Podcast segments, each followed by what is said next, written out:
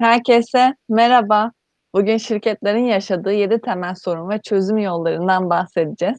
Bu video devam niteliğinde bir video olacak.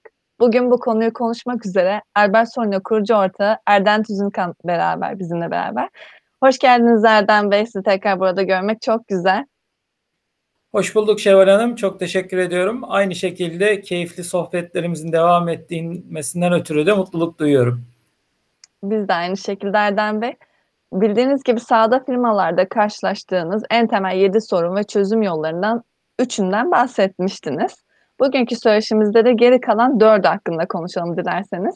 Bu kapsamda gerçek hayatta karşılaştığınız şirket sahiplerinin veya çalışanlarının dile getirdiği yaşanmış problemlerden örnekler verebilir misiniz? Memnuniyetle Şevval Hanım, e, keyifle bunlardan bahsetmek isterim. E, bu söyleşimizin bu kısmına başlamadan önce diğer iki videomuzu izleme fırsatı bulma, bulamayanlar için e, çok kısa bir özet geçmek isterim izninizle. Onlardan biri şuydu. Biz Albert Solino olarak aslında yönetim danışmanlığı projelerine bu saydığımız yedi temel soruna ulaşabilmek için nasıl bir yaklaşım gösteriyoruz? Çok kısa onu da özetlemiş olayım. E, hatırlayacak hatırlayacaklardır izleyenlerimiz, dinleyenlerimiz. Biz aslında biraz bu noktada e, tıp dünyasının, doktorların, doktor camiasının terimlerini kullanmayı tercih ediyoruz. E, orada da e, şöyle bir yaklaşımımız oluyor. Bir kere hasta veya hani kendinde bir sıkıntı hisseden aslında potansiyellerimiz nasıl tıpkı biz doktora gidiyorsak bize geliyorlar. Geldiğinde ilk yapmamız gereken şey e, tıpkı doktorların yaptığı gibi muayene. Yani e, mevcut durumu analiz etmemiz gerekiyor. Bunun içinde nasıl doktorlar işte stetoskopu alıp göğsümüzü dinlerse, işte aç ağzına aa de diye boğazımıza bakarsa, ne bileyim işte e, gözümüzü açıp böyle gözümüzün içine doğru bir ışık tutup e, oradaki göz bebeğimizi görmek isterse bunlarla yetinmeyip işte MR çekmeye, röntgen çekmeye gönderirse, kan tahlili isterse biz de tıpkı e, burada olduğu gibi işte bunların karşı danışmanlık literatüründe karşılığı olabilecek e, işte birebir toplantılar, beyin fırtınası toplantıları, zihin haritası toplantıları, arama konferansları, SWOT analizleri, online anketler, birim yöneticileriyle görüşmeler, GAP analizleri, işte BCG matrisi analizleri gibi yöntemler uygulayarak aslında mevcut durumu analiz ediyoruz ve e, aslında mevcut durumda müşterimiz ve alt organları bize neler söylüyor onu tespit etmeye çalışıyoruz. Bu birinci aşamamızdı yaklaşımımızın. İkinci aşaması ise teşhis. Nasıl ki bir doktor e, işte el, elinde MR sonuçları işte göğsümüzü dinledi, e, kulağımıza baktı, boğazımıza baktı, kan tahlilimizin sonucu önünde, idrar tahlilimizin sonucu önünde bize nasıl ki diyorsa işte senin ne bileyim idrar yolları enfeksiyonu hastalığı mevcut sizde e, diyorsa bizim de o teşhisi koyabilmek için yaptığımız bir çalışma var. O da mevcut durum analizini devam ettiren aslında gelişim yol haritası çalışması. Yani sorunları net bir şekilde tespit ettiğimiz ve her bir sorunun da çözüm yolunun ne olabileceğine dair bir öneriyle beraber geldiğimiz aşama. Biz buna teşhis e, doktor dilinde, danışmanlık dilinde gelişim yol haritası aşaması diyoruz ve e, yanıt aradığımız esas konu şu oluyor. Esas sorun veya sorunlar nerede ve nasıl çözülebilir? Bunun yanıtını arıyoruz bu aşamada. Gelelim üçüncü aşamaya. Doktorumuz bize sizin işte idrar yolları enfeksiyonunuz var deyip bırakmıyor. Hadi güle güle başınızın çaresine bakın demiyor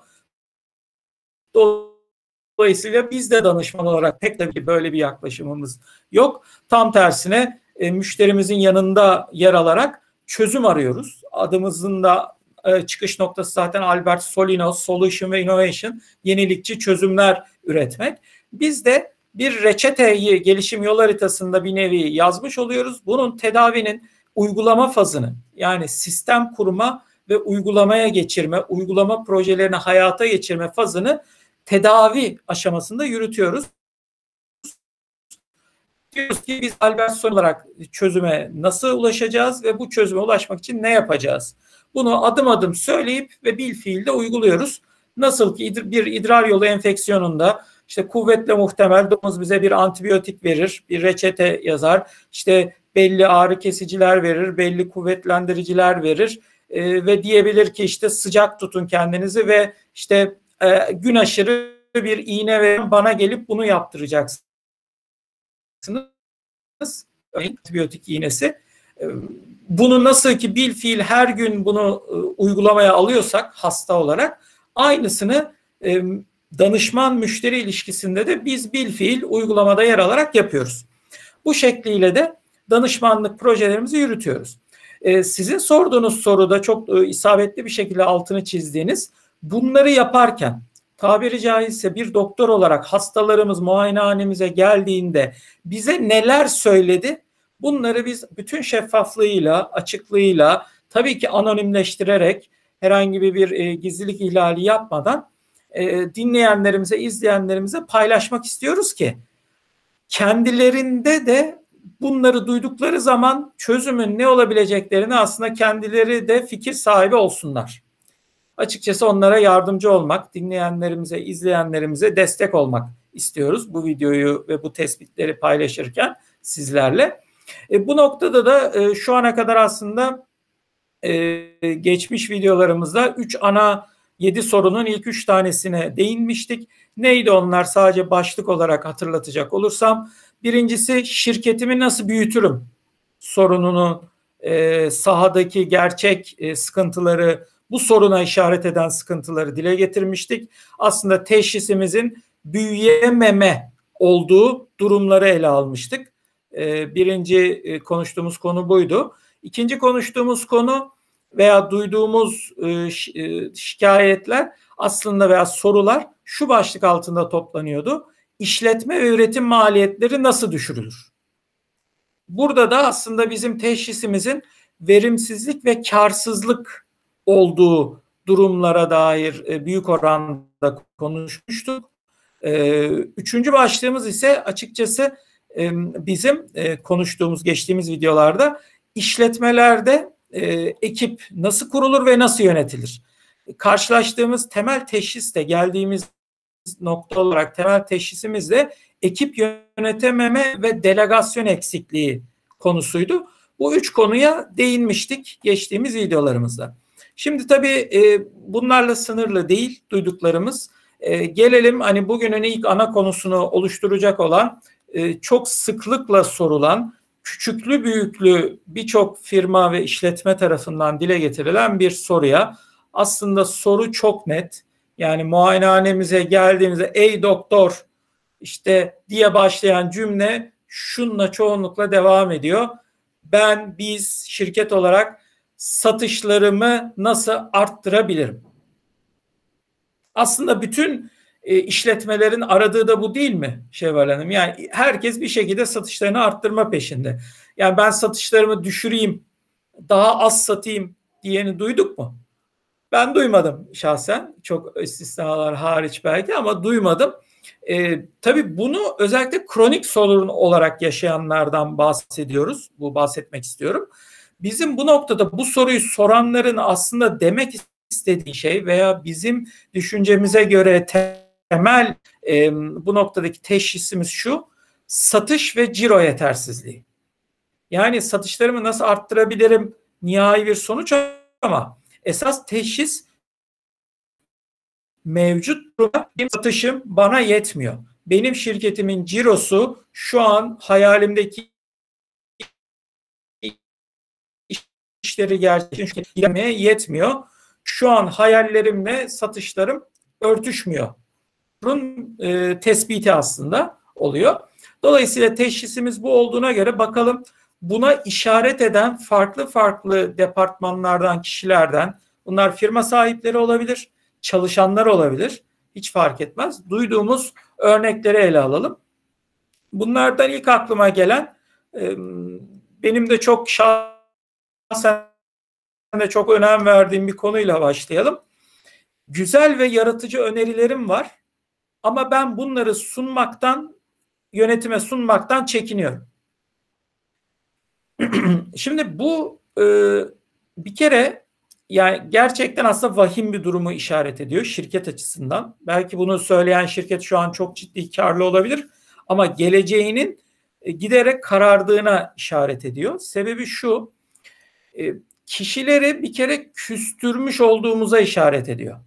Yani şirkete bir katkı sunmak isteyen, bir yeni bir ürün veya fikirle, hizmetle veya ürünü veya hizmeti yapış şeklinde bir inovasyonla ortaya gelip hani satışlara pozitif katkı yapmak isteyen birinin belki söyleyeceği şey tırnak içinde o anlık saçma bile gelse bu örnek teşkil edeceğinden bunu yapmak isteyen herkesin artık ağzını kapaması anlamına geliyor. Ağzını açmadan herkesin sadece emir komuta zinciri içerisinde işte ve sadece sorumluluğu yerine getirmeye uğraşan bir gıdım dahi ileri gitmeye cesaret, cüret etmeyecek olması anlamına geliyor. Peki bu durumda şirketi satış olarak ileriye kim götürecek? Robotlar mı satacak? Veya işte robotlar mı yeni bir ürün fikriyle gelecek? Robotlar mı pazardaki bir açığı bulacak? Veya işte robotlar mı efendime söyleyeyim e, bir işin yapılış şeklinde iyileşme sağlayacak? Hayır. O işi yapanlar ancak o işi aslında en iyi şekilde bilebilir. Dolayısıyla da aslında bunun çözümü nerede diyecek olursak bunu söyleyen şirketlere bizim Albert Solino'nun ARGE inovasyon ve fikir yönetim süreci tasarımı hizmetini e, açıkçası öneriyoruz. E, çünkü buradaki tedavi firmanın ARGE ve inovasyon sistemini ve komple fikir yönetim sistemini baştan ele almakla, bunları kurmakla, buradaki kanalları açık tutmakla ve şirkette bir inovasyon iklimi yaratıp yeni ürüne, yeni satışa dönüşecek, ciro artışına dönüşecek fikirleri desteklemekle mümkün olduğuna inanıyoruz. Gelelim başka duyduğumuz e, bir başka maddeye. O da mesela farklı bir e, departman alandan gelsin. Şunu çok sıklıkla duyuyoruz. Kendi verdiğimiz termini tarihlerine neden uyamıyoruz? Bunu satışçılardan duyabilirsiniz, satış ekiplerinden. Bunu üretim ekiplerinden duyabilirsiniz. Bunu üretim planlama departmanından duyabilirsiniz. Herkes inanın benzer şeyleri söyler.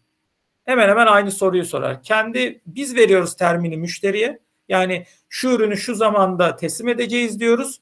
Ama gel gelelim o zaman geliyor. Ne ürün var ortada ne sevkiyat var. Şimdi bakın bunu e, satış ve ciro yetersizliği teşhisinde ele almamızın bir sebebi var. Evet bunun cevabı doğrudan bir satış departmanı düzenlemesi değil. Hani ciro deyince satış deyince ilk başta akla satış departmanı veya satış süreci gelebilir. Ama bakın satışı arttırmanın yolu tek başına satıştan geçmez. En büyük yanılgılardan biri de belki budur. Mesela bu noktada gördüğümüz gibi bu şirket satışlarını neden arttıramıyor aslında? Bunu soran yani kendi verdiğimiz tarih, termin tarihlerine biz neden uyamıyoruz sorusunu soran şirket. Aslında cevap çok net. E, siparişi alıyor, müşteri bu firmaya siparişi veriyor ama müşterisi zamanında alamıyor ki ürününü. O zaman niye ikinci siparişi versin? Niye sipariş hacimlerini arttırsın? Niye kritik işlerini bu firmaya versin? Vermiyor tabii ki. Dolayısıyla satışları da artamıyor. Yani satışların artamamasının e, tek nedeni sadece satış departmanında değildir. Futboldan örnek verelim. Mesela futbolda işte diyelim ki bir takım var. Futbol takımı e, gol kısırlığı çekiyor. Bir türlü gol atamıyor. Burada suç forvetlerde olmayabilir. Belki de çoğu zamanda da değildir. Teknik direktörde olabilir, savunmada olabilir, kalecide bile olabilir. Sistemin kendisinde olabilir. Veya bak topun topta bile olabilir biliyor musunuz? Top nizami değildir. E, vurunca kaleye doğru bir türlü gitmiyordur. Çok ağırdır. Havalanmıyordur. Topta bile olabilir. Dolayısıyla bu örnekten de hareket edersek sistemde burada e, tedavi tedarik zinciri yönetim danışmanlığı almaktan geçiyor açıkçası bunu söyleyen şirketler için. E, üretim de demiyorum bakın tema, tamamen komple tedarik zinciri olarak bu şirkette, bunun şirketlerde süreci ele almak, böyle bir süreç tasarımı yapmak, tedarik zincirinin başında bir organizasyon şeması oluşturmak, üretim planlamayı, üretimi, satın almayı, e, sevkiyatı ve sat, e, depolamayı, lojistiği, sevkiyatı ve satış sonrası hizmetleri entegre bir şekilde planlayıp yönetmek gerekiyor. Bunu sistemini de e, organizasyonun sistemini ve teknolojisini de aslında Albert Sorna danışmanlık nezdinde tasarlayabiliyor firmalar. Gelelim başka bir e, konuya. Mal sat, satamıyoruz, sebebi yapamıyoruz. Bakın bu ifadeyi çok seviyorum ben. Çünkü o kadar net anlatıyor ki. Çok kısa cümleler hani e, toplam dört kelimeden oluşuyor ama dünyayı anlatıyor size. Mal satamıyoruz, sebebi yapamıyoruz. Yani diyor ki bunu söyleyen insanlar, e, şirketler ya malı e, oradan buradan değil biz üretimden çıkartamıyoruz. Fabrikadan o mal e, bir türlü çıkmıyor. Çıkmıyor da çıkmıyor. Demek ki bir yerlerde darboğazlar var, bir yerlerde sıkıntılar var ki çıkmıyor. E siz olmayan malı satamayacağınıza göre yani e, restoran örneğini verelim. Diyelim ki işte ben bir restorana oturdum. İşte güzel bir e, ne bileyim işte bir e, sipariş verdim. Diyelim ki bir kebap siparişi verdim. İşte Ali böyle güzel Ali Nazik siparişi verdim. Ondan sonra geliyor e, bekliyorum bekliyorum bekliyorum mutfaktan gelen giden yok bekliyorum gelen giden yok 10 dakika 20 dakika 30 dakika geçti garsonu çağırdım yok e, gar, garson durumu idare etmeye çalışıyor. Abi hemen çıkıyor ocakta. Ben içeriye mutfağa gidip bir bakıyorum. Bir türlü yok. E, yani ben bir saat bekler miyim orada? Beklemem. İşte nasıl ki ben e, kişi şahıs olarak bir karnı acıkmış olan bir birey olarak bunu beklemiyorsam müşteri de bizim fabrikadan çıkartamadığımız malı beklemez. Nokta.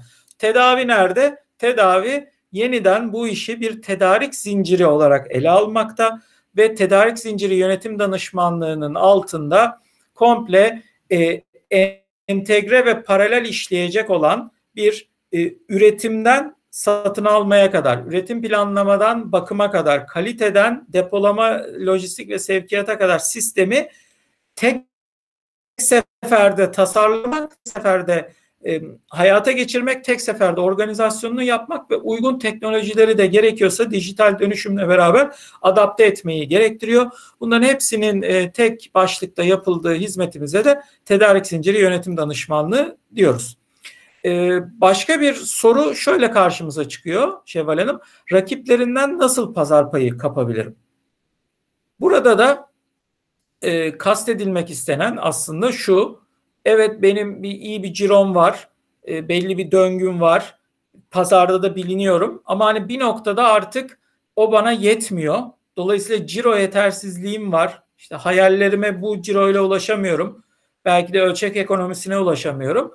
Ben dolayısıyla gidip pazarda belki büyümüyor. Böyle bir gizli tespit de olabilir burada. Dolayısıyla benim saldıracağım tek alan rakiplerimden pazar payı kapmak oluyor. Rakiplerimin sattığı müşteriyi kendime çevirmem oluyor. Peki bunu nasıl yapabilirim? Tabii ki burada sihirli bir anahtar e, olmamakla beraber tabii ki e, tedavinin yolu pazarlama alanında çalışmaktan geçiyor. Dolayısıyla da biz bunu söyleyen firmalara pazarlama danışmanlığı hizmetimizi öneriyoruz.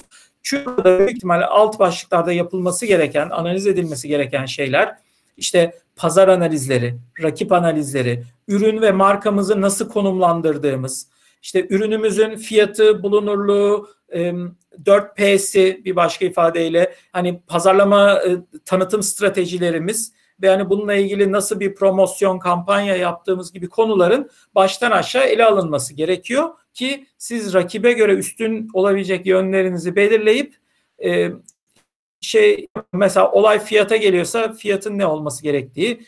Diyelim ki rakip her yerde bulunmuyor ama siz onun pazar payını almak istiyorsunuz. O zaman onun bulunmadığı yerlere de gidip daha üstün bir hizmet verme gibi birçok alternatifi pazarlama danışmanlığı toplantılarında konuşuyor oluyoruz zaten. Gelelim başka bir başlığa. e, şöyle denildiğini de e, belli bir grup firmadan duyuyoruz.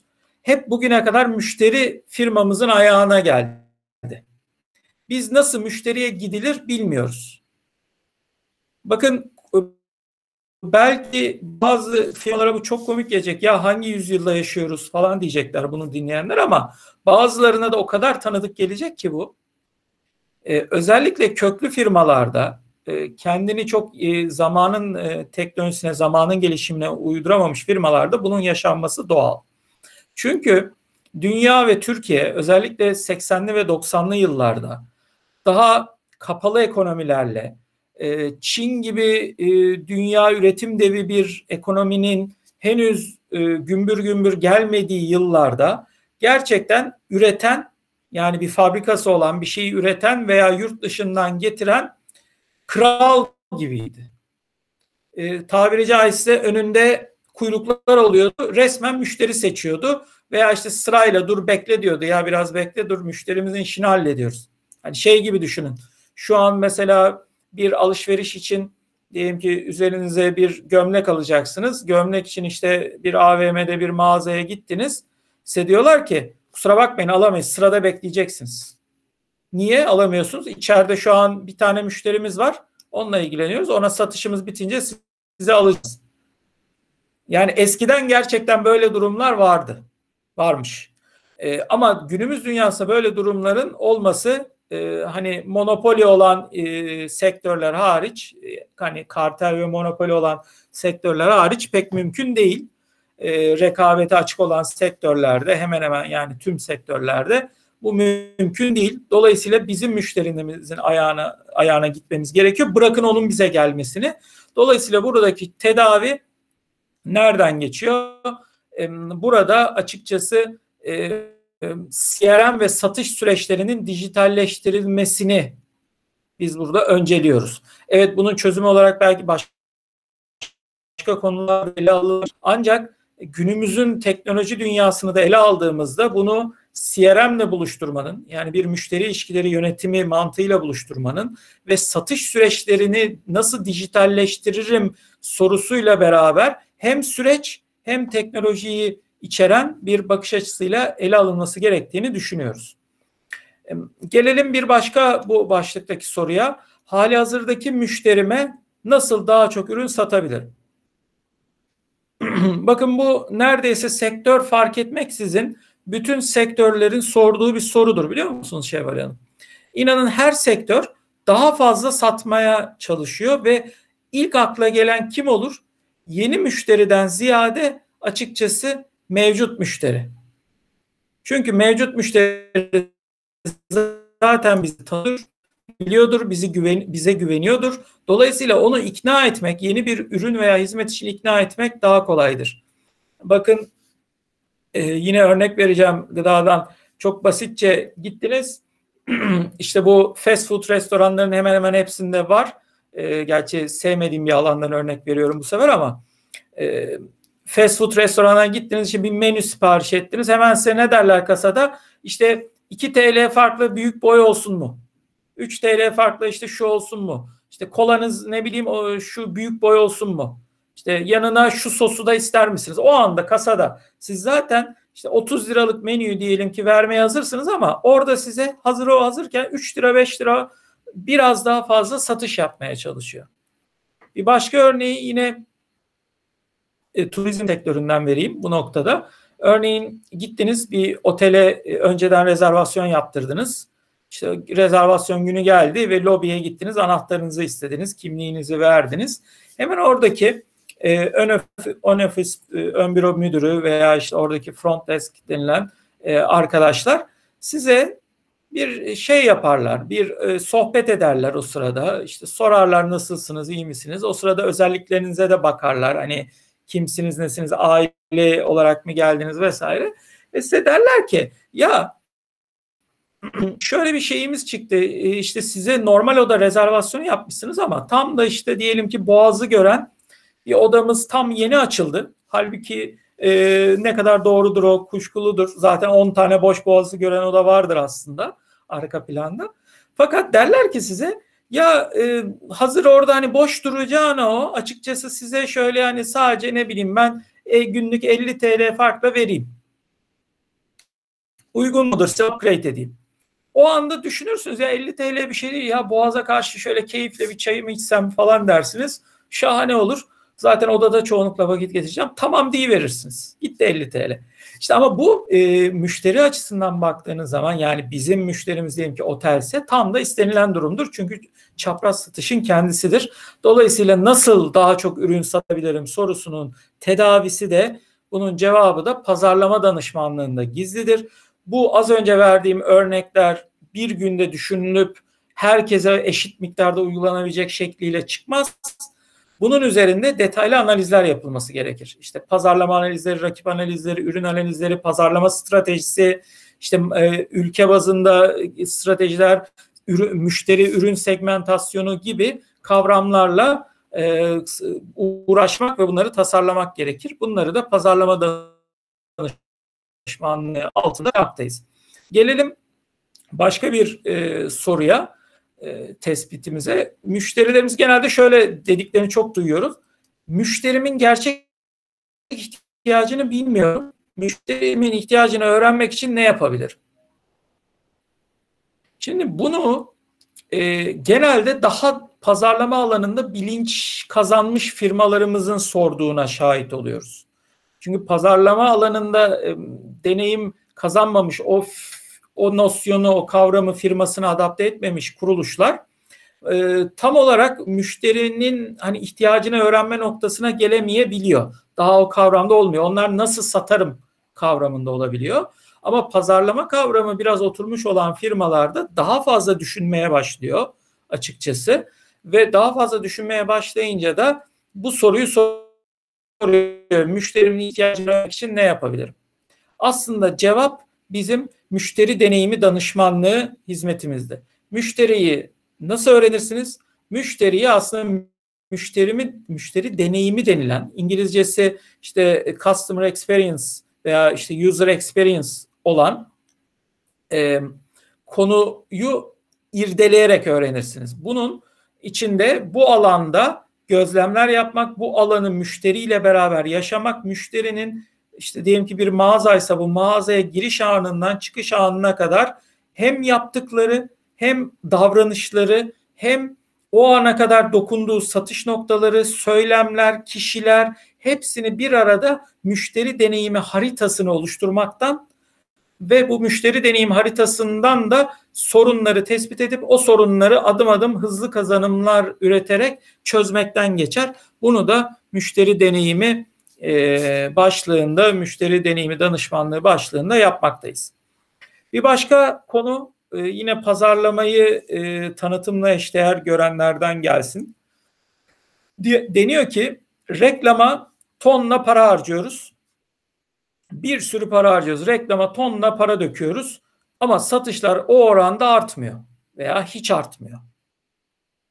Şimdi e, bu da pazarlamayı hani tanıtımla eşdeğer tutanlardan genelde geldiğini görüyoruz. Halbuki e, pazarlama hani e, işte 4P gerçi o 4P kavramı da C'lerle değişti. İşte e, customer e, vesaire oldu ama hani biz 4P'ye sabit kalalım açılsın diye e, product, price, promotion, place'in aslında kısaltmasıdır yani ürün, e, fiyat, e, bulunurluk yani nerede ürünün olacağı e, ve e, şey kampanya, promosyon kavramlarının kısaltmasıdır. E, bu noktada tabii nerede tedavi nerede nasıl konumlandırdığınız markayı ve marka stratejinizin ne olduğunda gizli. Dolayısıyla hani marka konumlandırma ve marka stratejisi danışmanlığı hizmetimize başvurmalarını öneriyoruz. Çünkü orada muhtemelen yanlış olan şey oradaki temel markanın stratejisinde, reklamın harcandığı markanın stratejisinde gizli ve o markanın konumlandırdığı yerle reklam örtüşmeyebiliyor. Örnek vereceğim. Diyelim ki siz e, halı sektöründesiniz ve e, halı konusunda da diyelim ki işte çok üst düzey batılı yani e, dokuma olmayan ama makine halısı olan fakat çok böyle yenilikçi işte sanat eseri denebilecek tasarımlar yapıyorsunuz. Diyelim ki kübik tasarımlarla halılar üretiyorsunuz ve böyle biliniyorsunuz. Şimdi siz tutup reklamınızı milyonlarca dolar da harcasanız işte bir diyelim ki Osmanlı tarihini anlatan bir Türk dizisinin sponsoru olup oraya verirseniz şimdi Osmanlı tarihi ve Osmanlı'ya ilgi duyanlarla hani o batılı kübik e, sanat eseri gibi olan tasarımları anlayacak kitle eşleşmiyor ki başarı gelsin. Bunu edip bunu örtüştürmeye çalışmak üzere marka stratejisi danışmanlığı alınmasını öneriyoruz.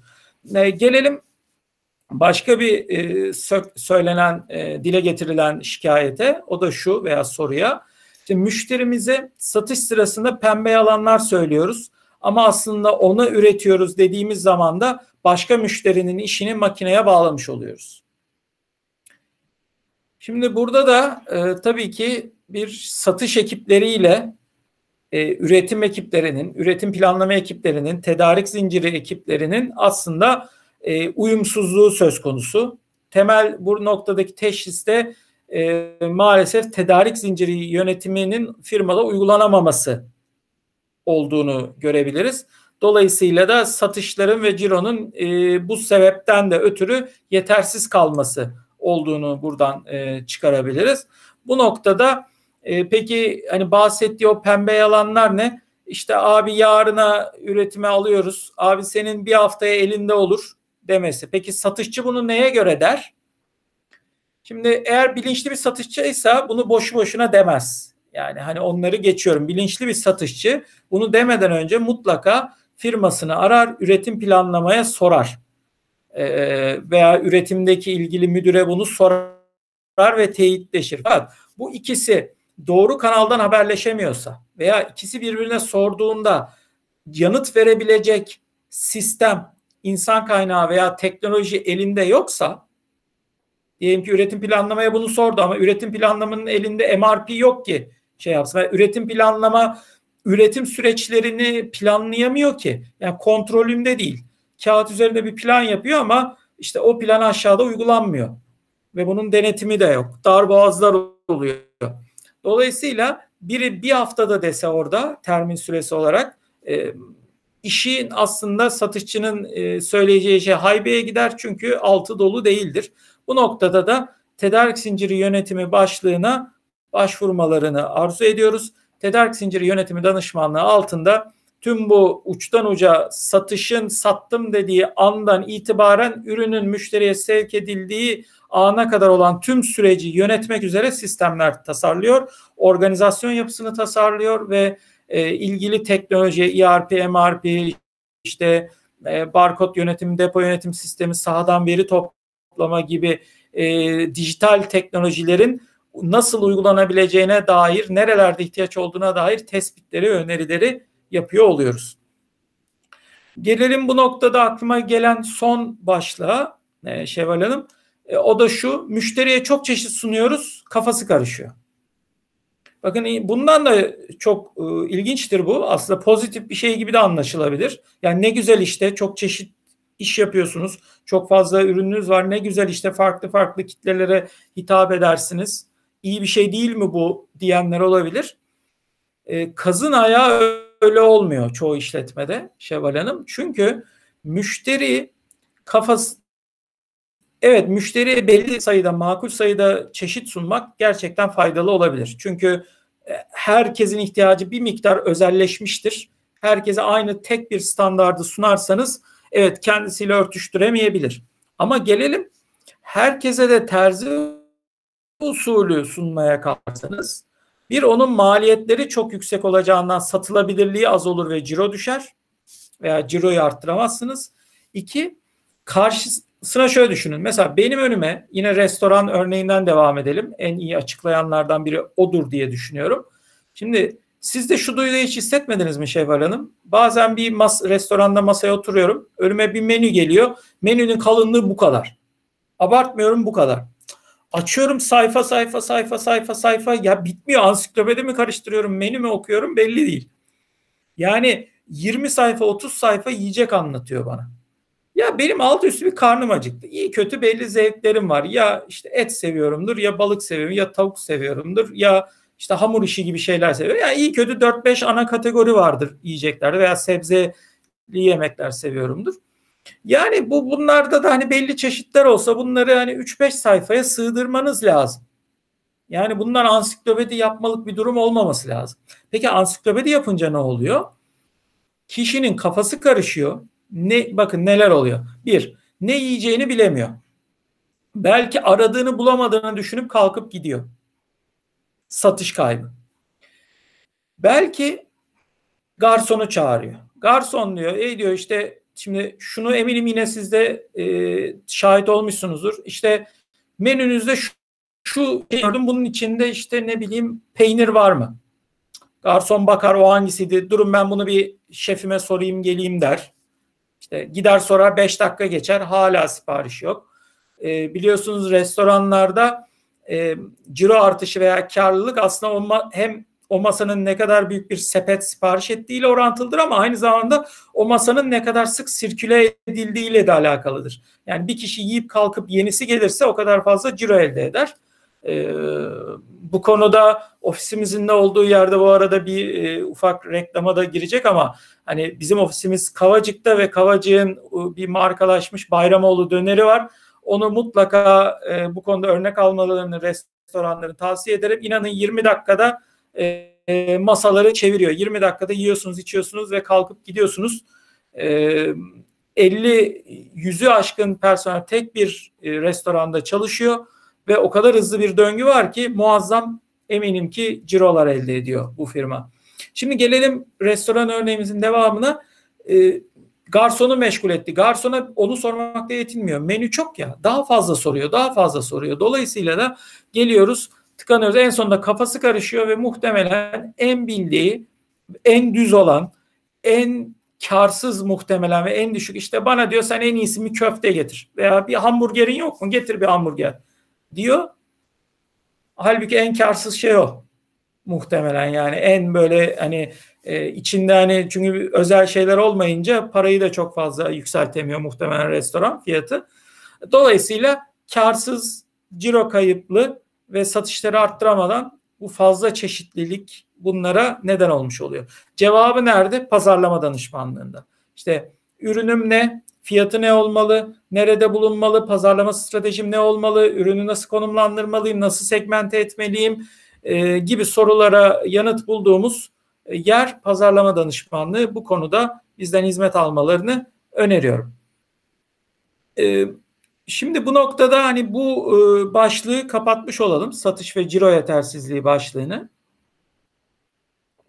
Gelelim bir diğer e, temel duyduğumuz konu ve bizim de çok e, üstüne düştüğümüz, e, uzmanı olduğumuz bir alan firma olarak. O da şu. Şu soru etrafında çok soru geliyor. Şirketimi nasıl kurumsallaştırabilirim?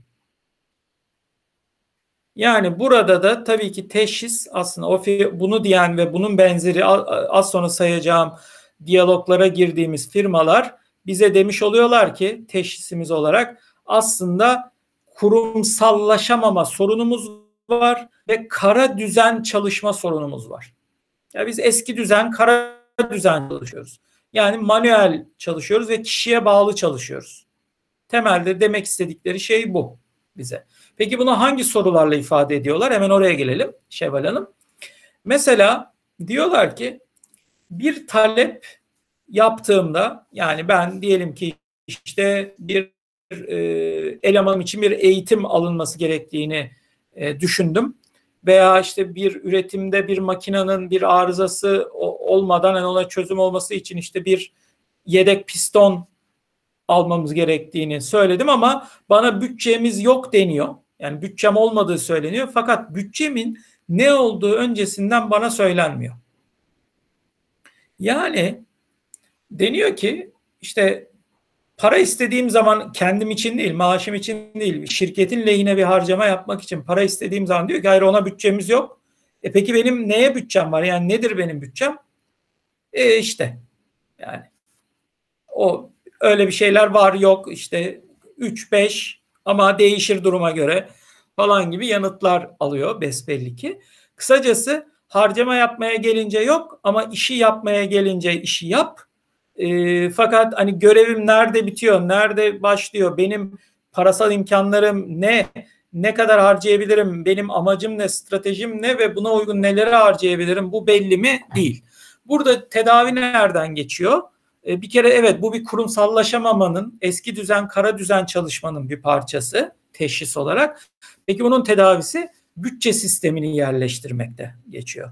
Dolayısıyla kişiden bağımsız hale gelecek. Eğer bir Albert Solino'nun bütçe danışmanlığı hizmetini alırlarsa şirketlerde hem satış bazlı hem e, harcama merkezi yani departmanlar bazlı hem de yatırım ve arge bütçeleri bazlı bütçeler oluşturulup bu bütçeler belli bir prosedür çerçevesinde her yıl uygulana gelmeye başlar ve dolayısıyla o departman bu departman Ali, Ahmet, Ayşe, Fatma, Mehmet hiç fark etmeden kimin neyi harcamaya yetkisi var ve bütçesi var, neyi yok ve bunun ne zamana kadar bu bütçe geçerli, ne kadarı kullanılmış bunların hepsi zaten netleşmiş olur. Gelelim kurumsallaşamamanın başka bir şekilde ifade edilmiş haline. O da şu. Sıklıkla duyuyoruz bunu. Ya bizde onay süreci uzayabiliyor. Ani karar vermemiz gereken durumlar oluyor. Fakat bu kararı veremiyoruz. Bu da kurumsallaşma yolculuğuna başlamış ama kurumsallaşmayı biraz fazla yorumlamış. İşletmelerde daha yaygın. Yani başka bir şekilde ifade etmeye çalışayım. Kur, muhtemelen bunu söyleyen firma da belli kurumsallaşma adımları atılmış. Fakat bu firmayı o kadar hantallaştırmış ki ve esneklikten uzaklaştırmış ki yani doğru sistemler kurulmamış besbelli. Doğru yetkilendirmeler, doğru onay mekanizmaları, doğru akışlar, doğru iş süreçleri kurulamamış. Sadece kurumsallaşmanın belli şeyleri yazıya çiziye dökmek ve işte sürekli bir onay me- e, mekanizmasına indirgemek olduğu zannedilmiş. Dolayısıyla da bu uygulamaya alınınca bu sefer şirket hareket edemez hale gelmiş. Yani örnek vereyim şunu yaptığınızı düşünün Şevval Hanım. Hani bir adım atacaksınız. Biz hiç fark etmeden sağ ayağımızı diyelim ki kaldırıp havaya sonra yere koyuyoruz ya ileriye doğru hareket ettirip. Şimdi şöyle düşünün. Sağ ayağınızı kaldırmadan önce işte e, ayağınızın beyninize mail gönderdiğini düşünün. Ya ben ayağımı kaldırmak istiyorum kaldırabilir miyim? Beyin düşünüyor siz böyle ı, kaldınız.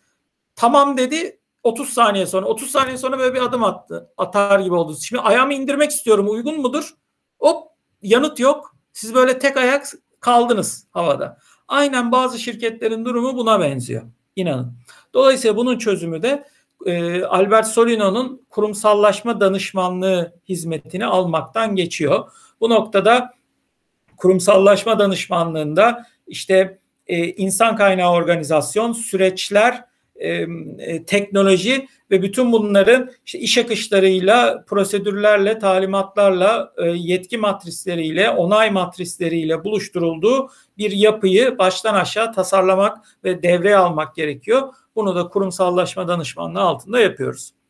Gelelim e, bu sorunun başka bir şekilde ifade edilmiş haline.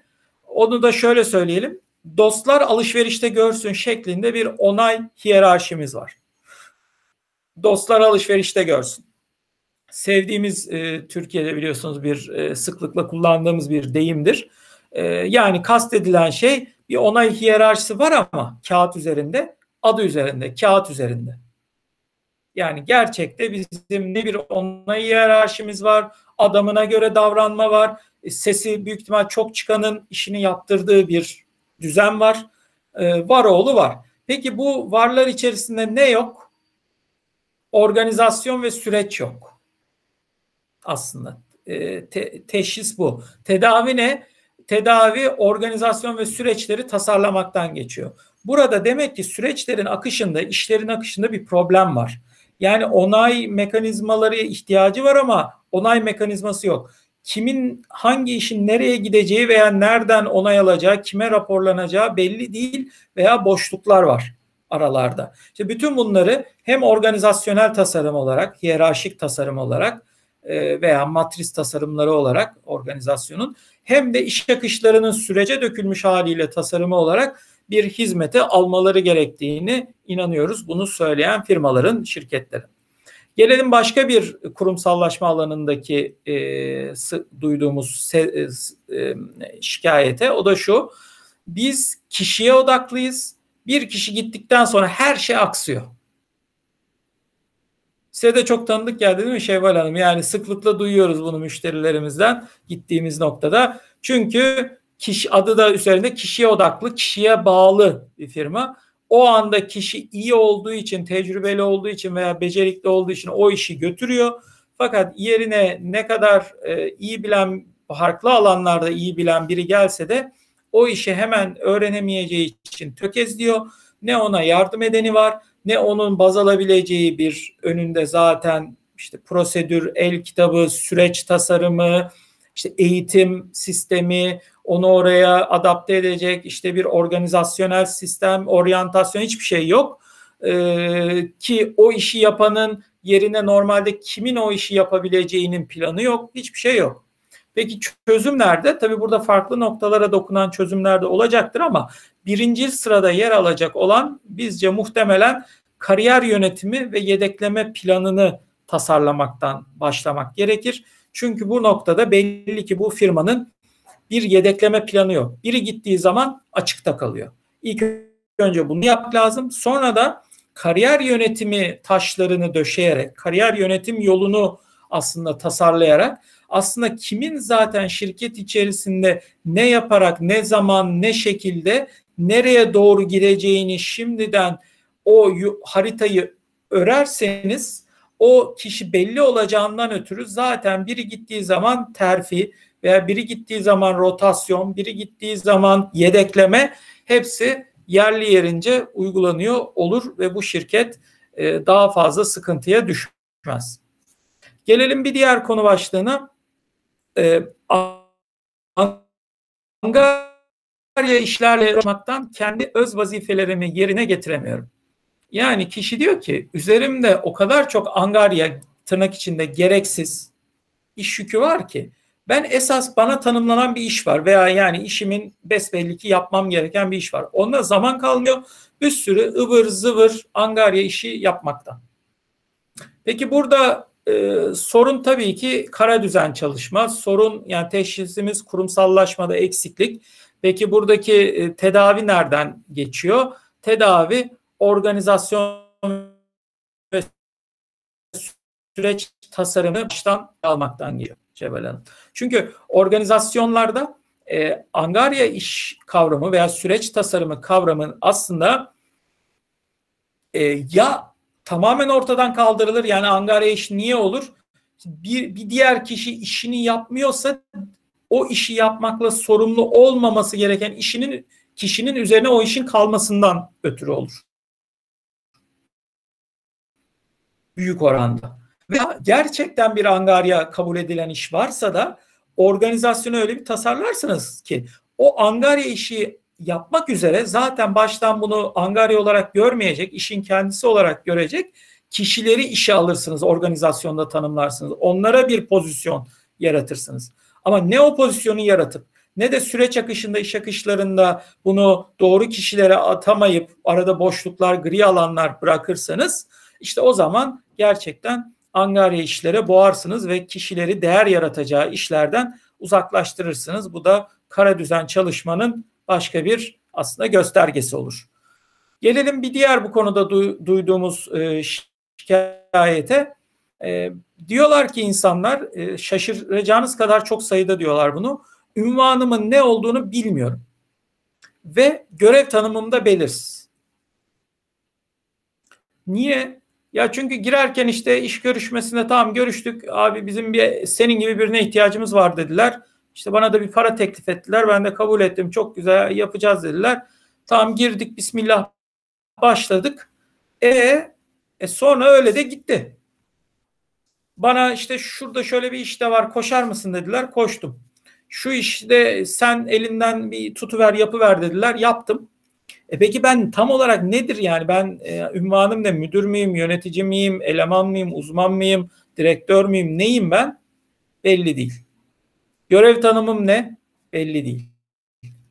Peki e, tabii bu çok net bir kurumsallaşamama durumu, kurumsal eksiklik durumu, kurumsal yapıda zafiyet durumu. Dolayısıyla burada yapılması gereken e, kurumsal yapının tasarlanması adına organizasyon ve süreç tasarımı hizmetinden başlamak. Yani burada bir kere ünvanların ne olduğu belli olmadığına göre organizasyonda da hiçbir yapı yok demektir. Dolayısıyla sıfırdan bir organizasyonu işte bizdeki seviyeler nelerdir? Ee, bizde işte uzman ne bir mühendis seviyesi var, uzman seviyesi var, işte yönetici var, üzerinde müdür var, e, müdür yardımcısı var, müdür var, direktör var, genel müdür yardımcısı var gibi hani böyle organizasyonu baştan aşağı tasarlamaktır. Artı süreçleri yani görev tanımlarına da ulaşabilmek için yani süreçler ve iş akışları ne ki benim yapacağım görev belli olsun. İşte onu e, tasarlayıp devreye almaktan geçer. Bu konudaki hizmetimize, organizasyon ve süreç tasarımı danışmanlığı hizmetimize başvurmalarını öneriyoruz firmaların. Gelelim bir diğer bu konudaki başlığa. İş süreçlerimiz çok değişken ve belirgin bir süreç akışımız yok. Şimdi e, iş süreçlerimiz çok değişken diyen bir firma hani bunu demesinin sebebi tabi burada hani farklı e, muhtemelen farklı bir dış etkenler var ki sürekli değişkenlikten bahsediyor Şevval Hanım. Bu noktada yapılması gereken e, tabi buradaki tedavi e, doğrudan bir aslında tedaviye tam yüzde yüz geçmeden aslında ön tedavi olarak e, bu noktada bir süreç analizi çalışması yapılması gerekiyor. Yani burada süreçlerimizin değişken olmasının aslında nedeninin ortaya çıkarılması gerekiyor. E, kurumsallaşma yolculuğuna bu noktadan başlamak gerekiyor. Dolayısıyla süreç analizi hizmetimizi burada öneriyoruz. Yani mevcut süreç yani eziz denilen İngilizce yani şu an olduğu gibi akış ne ve olması istenen hayal edilen e, tasarlanan ileriye dair e, mükemmel çalışacağına inanılan süreç ne? Bu ikisinin analizle ortaya konulması gerekiyor. Bu çalışmamıza da süreç analizi hizmeti adını veriyoruz. Gelelim bu e, noktadaki bir diğer e, başlığa açıkçası. Burada e, diyor ki şirketlerde e, çalışanlar ben burada ne yaptıysam çoğu şeyi yaşayarak öğrendim. Yani bir fiil deneyimleyerek öğrendim. Demeye çalıştık. Ne bana öğreten oldu, ne bana bunu gösteren oldu, ne benim önümde bir örnek vardı, ne benim önümde bir prosedür, talimat, süreç vardı, ne bir doğru düzgün görev tanımım vardı. Ben sadece kendim yaşayarak öğrendim. Burada tabii ki geniş kapsamlı bir sorun. Az önce de saydığım gibi komple bir tedavisi insan kaynakları danışmanlığı hizmeti almaktan geçiyor. Çok boyutlu. İşte belki burada bir oryantasyon çalışmasının tasarımından bir çalışan el kitabı oluşturulmasına, bir e, organizasyon yapısı tasarımından e, norm kadro sisteminin tasarımına kadar, eğitim yönetiminin gerçekleştirilmesine kadar açıkçası birçok alt başlığı var. Bunların hepsinin buluştuğu insan kaynakları danışmanlığı almasını öneriyoruz. Ee, burada e, bu, so, bu, bu sorunun bir e, bir tık değişiği de bize şu şekilde soruluyor Şevval Hanım. Tam olarak bana bir şey öğreten olmadı. Hani bu şekilde ifadeleri de sıklıkla duyuyoruz. Burada da az önceki e, sorunun cevabıyla aslında tedavi aynı. Adres insan kaynakları danışmanlığı. Burada organizasyon yapısının, oryantasyon sürecinin, eğitim yönetiminin, e, şirketin çalışan el kitabının, e, şirketin temel oryantasyon prosedürlerinin ve süreçlerinin muhtemelen baştan tasarlanıp var olanların da revize edilmesi gerekiyor bu noktada. Bir başka bu başlık altında dile getirebileceğimiz kurumsallaşamama başlığı altında e, şikayet şu bana tanımlı olan raporların ne işe yaradığını bilmiyorum. Şimdi bu da özellikle kurumsal olduğuna inanan firmalarda çok sıklıkla oluyor. Çünkü e, hani evet raporlama setinin olması, raporların bir firmada olması ve bunların birilerine sunuluyor olması kurumsallaşmanın adımlarından bir tanesidir. Yani bunu açık yüreklilikle ifade edelim. Şimdi gel gelelim burada yanlış uygulama varsa olay sadece mış gibi yapılmakla kalır, kağıt üzerinde kalır ve kurumsallaşamamaya sebep olur. Buradaki örnekte olduğu gibi. Yani burada da bir kişinin üzerine tanımlı raporlar var. Bu hazırlamak üzere raporlar da olabilir. Hazırlama raporu, hazırlama işi de olabilir veya raporların o kişiye gelmesi yani analiz etmek üzere bir rapor e, akışı da olabilir o kişiye bir karar vermesi adına. Fakat diyor ki bu kişi ya bana bir raporlar geliyor ama hiçbiri benimle alakalı değil veya ben bunları yani ne yapacağımı bilmiyorum ki. Geliyor kağıt geliyor önüme ben bunu bir bakıyorum ha güzelmiş diyorum kenara koyuyorum bir daha yüzünü açmıyorum.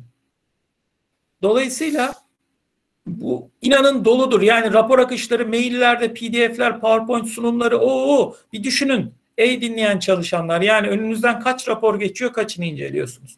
Buradaki tedavi ne?